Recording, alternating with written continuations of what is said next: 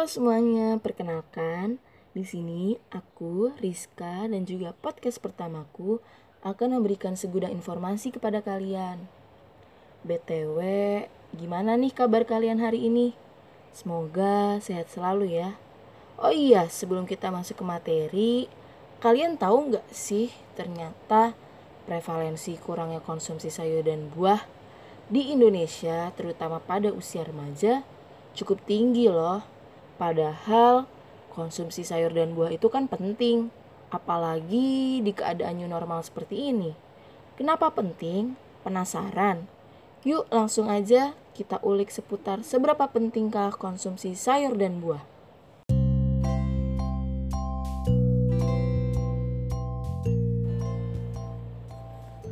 Nah, pada episode satu kali ini, aku ingin memperkenalkan terlebih dahulu kepada kalian apa sih sayur dan buah itu dan apa saja kandungannya yang terdapat di dalam sayur dan buah. Jadi, sayur dan buah merupakan bahan pangan yang berasal dari tanaman yang dikonsumsi baik melalui pemasakan ataupun tanpa pemasakan. Sayur dan buah mengandung banyak vitamin dan mineral loh yang sangat dibutuhkan oleh tubuh. Lalu, sebelum kita mengenal sayur dan buah lebih jauh, aku mau kasih tahu ke kalian dulu nih bedanya vitamin dan mineral itu apa. Jadi, vitamin dan mineral itu sama-sama merupakan zat gizi mikro, namun memiliki jenis yang berbeda. Sebelumnya, apa sih zat gizi mikro itu? Zat gizi mikro merupakan zat gizi yang sangat dibutuhkan oleh tubuh karena memiliki peranan penting dalam tubuh. Ya, walaupun hanya dalam jumlah sedikit dibutuhkan dalam tubuh, tapi juga tetap harus terpenuhi ya. Untuk vitamin sendiri berperan dalam membantu metabolisme energi dalam tubuh. Selain itu juga untuk mengatur pertumbuhan serta pemeliharaan, pemeliharaan tubuh. Nah, vitamin ini sendiri dibagi menjadi dua jenis, ada vitamin larut air seperti vitamin C, vitamin B, dan juga vitamin larut lemak seperti vitamin A, vitamin D, vitamin E, serta vitamin K. Sedangkan untuk mineral sendiri berfungsi sebagai memelihara fungsi tubuh dengan cara keseimbangan cairan serta asam basa maupun enzim. Mineral sendiri ini terdiri dari dua jenis, yaitu ada mineral makro dan juga mineral mikro. Untuk mineral makro contohnya seperti natrium, kalium, kalsium, fosfor, magnesium, sulfur, serta klor.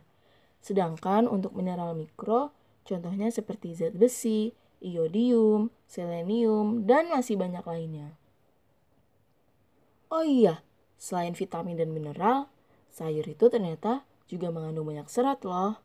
Serat yang terkandung pada sayur dan buah sangat bagus untuk tubuh.